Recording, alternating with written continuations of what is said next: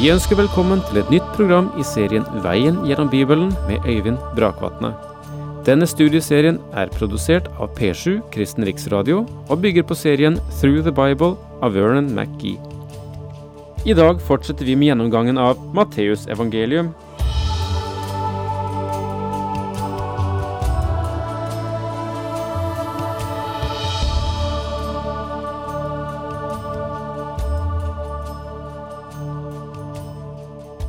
Vi nærmer oss slutten av det 26. kapittel i Matteus evangeliet. Og vi går vel i dag inn på det 51., 52. vers.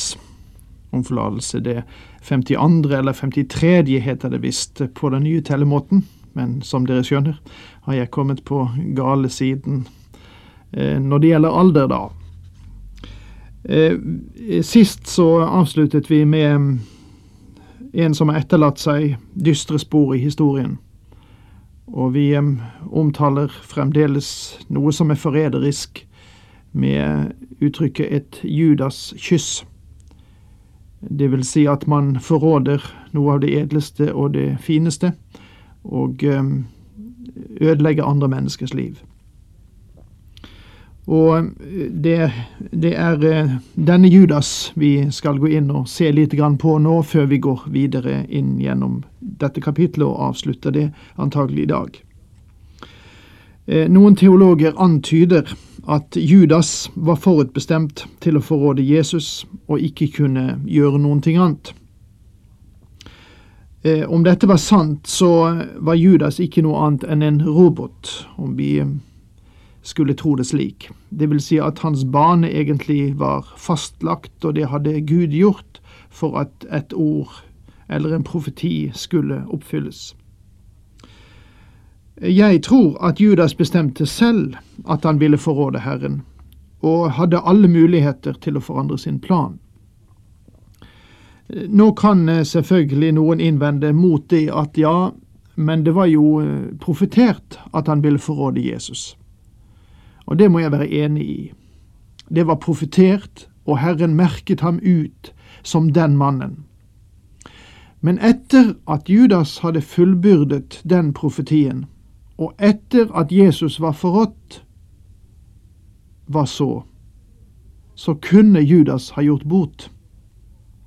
Jesus gav Judas en siste sjanse til å vende om og akseptere ham. Selv etter at han gav Jesus forræderens brennmerkede kyss, så kalte Jesus ham venn. Senere, da Judas gikk eh, til tempelet og kastet de 30 sølvpengene som var gitt ham for å forråde mesteren, så kunne han ha fattet et annet sinn. Når prestene tok Jesus til Pilatus, så kunne Judas ha falt ned for ham og sagt, Herre, tilgi meg, jeg visste ikke hva jeg gjorde. Herren ville ha tilgitt ham. En av dem som var sammen med ham, dro da sverdet og hogg etter øversteprestens tjener, så øret ble kuttet av. Vi vet hvem det var. Det var Simon Peter. Jeg tror at han forsøkte å bevise noe. Tidligere hadde Peter skrytt av at han ville dø for å beskytte Jesus, men Jesus fortalte ham at han ville fornekte ham den inneværende natten. Vel, Peter fikk tak i et sverd et eller annet sted fra, og han hadde til hensikt å beskytte sin herre. Men Peter var fisker og ikke sverddrager. Han kuttet øret av mannen, men eh, han var ikke etter hans øre, går jeg ut ifra. Han var etter hans hode. Det er vel ikke urimelig å tenke seg at han tenkte å uskadeliggjøre denne mannen, men han bommet nesten helt. Og selv i det er ikke det ulikt Peter, slik som vi har møtt ham i eh, Matteusevangeliet. Stikk sverdet på plass igjen, sa Jesus til ham, for den som griper til sverd skal falle for sverd. Mener du at jeg ikke kan be min far, og han ville straks sende meg mer enn tolv legioner engler? Med andre ord, jeg trenger ikke det lille sverdet ditt, Peter. Jeg er ikke kommet for å gå til slag mot de religiøse ledere. Jeg har kommet for å dø for verdens synd. Men hvordan skulle da Skriftene bli oppfylt, de som sier at dette måtte skje? Her ser du at Herren fullbyrder Skriften, og det markerer Matteus meget klart. I samme stund sa han til flokken som var kommet, Dere har rykket ut med sverd og stokker for å gripe meg, som om jeg var en røver. Dag etter dag satt jeg og underviste på tempelplassen, men da grep dere meg ikke. Tidligere var hans time ikke kommet, og det sa han klart fra om, men nå er hans time kommet. Men alt dette er skjedd for at profetenes skrifter skal oppfylles. Da forlot alle disiplene ham og flyktet. Jesus hadde forutsagt dette. Nå forlater alle disiplene ham. De som hadde tatt Jesus til fange, førte ham nå til øverstepresten Kaifas, hvor de skriftlærde og de eldste var samlet. Senere finner vi ut at Kaifas svigerfar egentlig var drivkraften bak alt dette. Men Jesus måtte først føres til Kaifas, øverstepresten, for den første anklage. Fordi de religiøse lederne vil be Rom om å gi denne mannen dødsstraff, så må de denne kveld og natt bestemme seg for anklaget mot Jesus, som de da kan legge frem for Pilatus når de besøker ham den kommende morgen. Peter fulgte etter, langt bak Jesus, helt til øversteprestens bolig. Der gikk han inn på gårdsplassen og satte seg ned blant vaktene for å se hvordan det ville ende. Simon fulgte langt bak. Det er farlig for oss alle å slippe Jesus for langt fra oss. Det ble sagt oss i Johannes 18, 15-16 at Peters adgang til gårdsrommet ble formidlet av Johannes. Han ventet der for å se slutten, og i løpet av korte øyeblikk hadde han fornektet sin herre. Overpresten og hele rådet prøvde å skaffe falske vitnesbyrd mot Jesus for å kunne dømme ham til døden, men de klarte det ikke enda en rekke vitner sto fram med falske anklager. Til sist kom det fram to.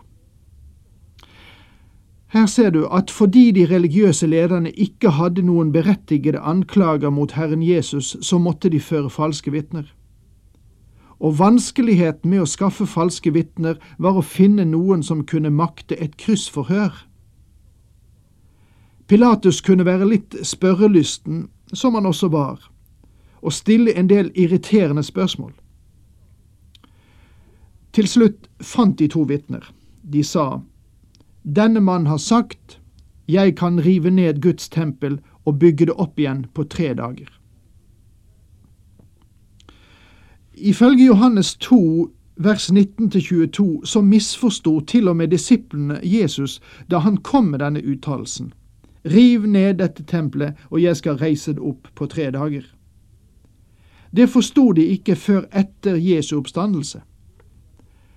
Åpenbart hadde disse falske vitner vært til stede da Jesus sa dette, men legg merke til at de ikke siterer ham nøyaktig. Da reiste øverstepresten seg og sa til ham, Har du ikke noe å si til det de anklager deg for? Han forsøker å få Jesus til å svare, så Sanhedrin, det høye råd, kan vite hvilke argumenter de skal bruke.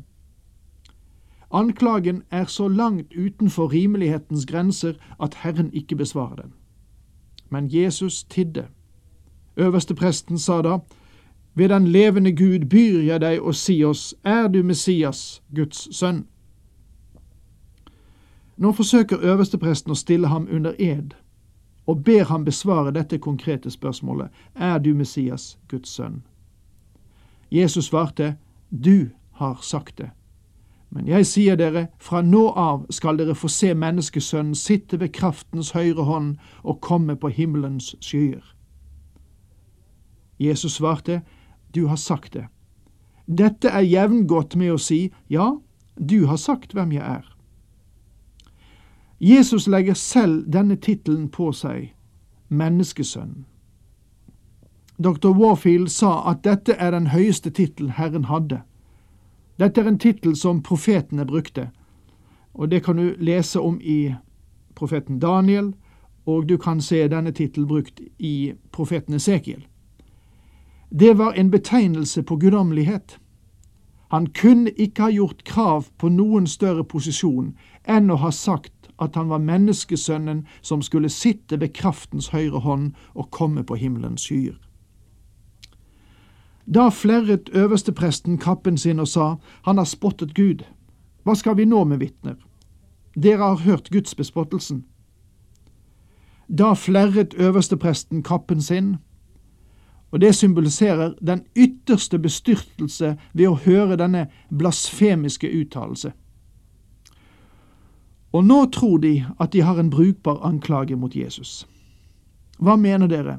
De svarte, han er skyldig til å dø. Så spyttet de ham i ansiktet og slo løs på ham med nevene. Noen slo ham i ansiktet og sa, Nå kan du være profet, Messias. Si oss hvem som slo deg. Du verden som de hatet den Herre Jesus. Dette er menneskehjertets naturlige angrep på hans godhet og hans rettferdighet, hans hellighet og det faktum at han er Gud. Det burde vel få oss til å innse at om du og jeg bare hadde vår gamle natur, så ville vi drive Gud bort fra hans trone. Menneskenaturen hater ham. Her i Det høye råd ble han slått, spyttet på og latterliggjort. Nå kan du være profet, Messias. Si oss hvem som slo deg. De lekte en dristig lek med ham. De blindet ham ved å knytte noe over øynene hans. Så slo de ham i ansiktet, og han skulle gjette hvem det var. Så kommer vi til Peters fornektelse av Jesus. Dette vil vi få se på mer detaljert når vi går gjennom de øvrige evangeliene. Imens satt Peter ute på gårdsplassen. En av tjenestepikene kom bort til ham og sa, Også du var med denne Jesus fra Galilea. Men han nektet i alles påhør og sa, Jeg skjønner ikke hva du snakker om. Da han så gikk ut i porthvelvingen, fikk en annen pike øye på ham og sa til dem som sto der, han der var med Jesus fra Naset. Peter nektet på ny og svor på at han ikke kjente ham. Litt etter kom de som sto der, bort til Peter og sa, Visst er du en av dem, du også. Dialekten røper deg. Galileernes dialekt var litt forskjellig fra dem som bodde i Judea. Peter hadde galileisk angsent. Da ga han seg til å banne og sverge, jeg kjenner ikke denne mannen. I det samme gol. Den stakkars fyren innså ikke hvor svak han egentlig var. Men Herren hadde bedt om at hans tro ikke skulle svikte, og det gjorde den heller ikke. Da husket Peter hva Jesus hadde sagt til ham. Før han galer skal du fornekte meg tre ganger, og han gikk ut og gråt bittert. Simon Peter var på feil sted. For ham var det fristelsens sted. Intet alibi kan dekke hans forsmedelige fornektelse. Han var skyldig i en grusom handling, men Peter gjorde bot og kom tilbake til fellesskap med Herren som han elsket.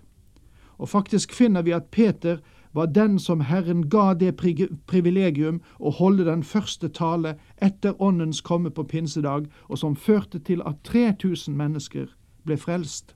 Slik kan Herren endre et liv.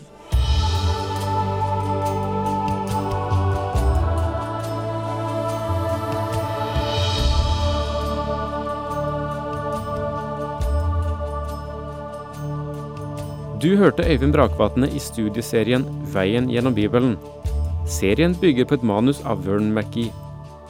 Har du spørsmål eller kommentarer til programmet, kan du sende en e-post til vgb krøllalfa p7.no.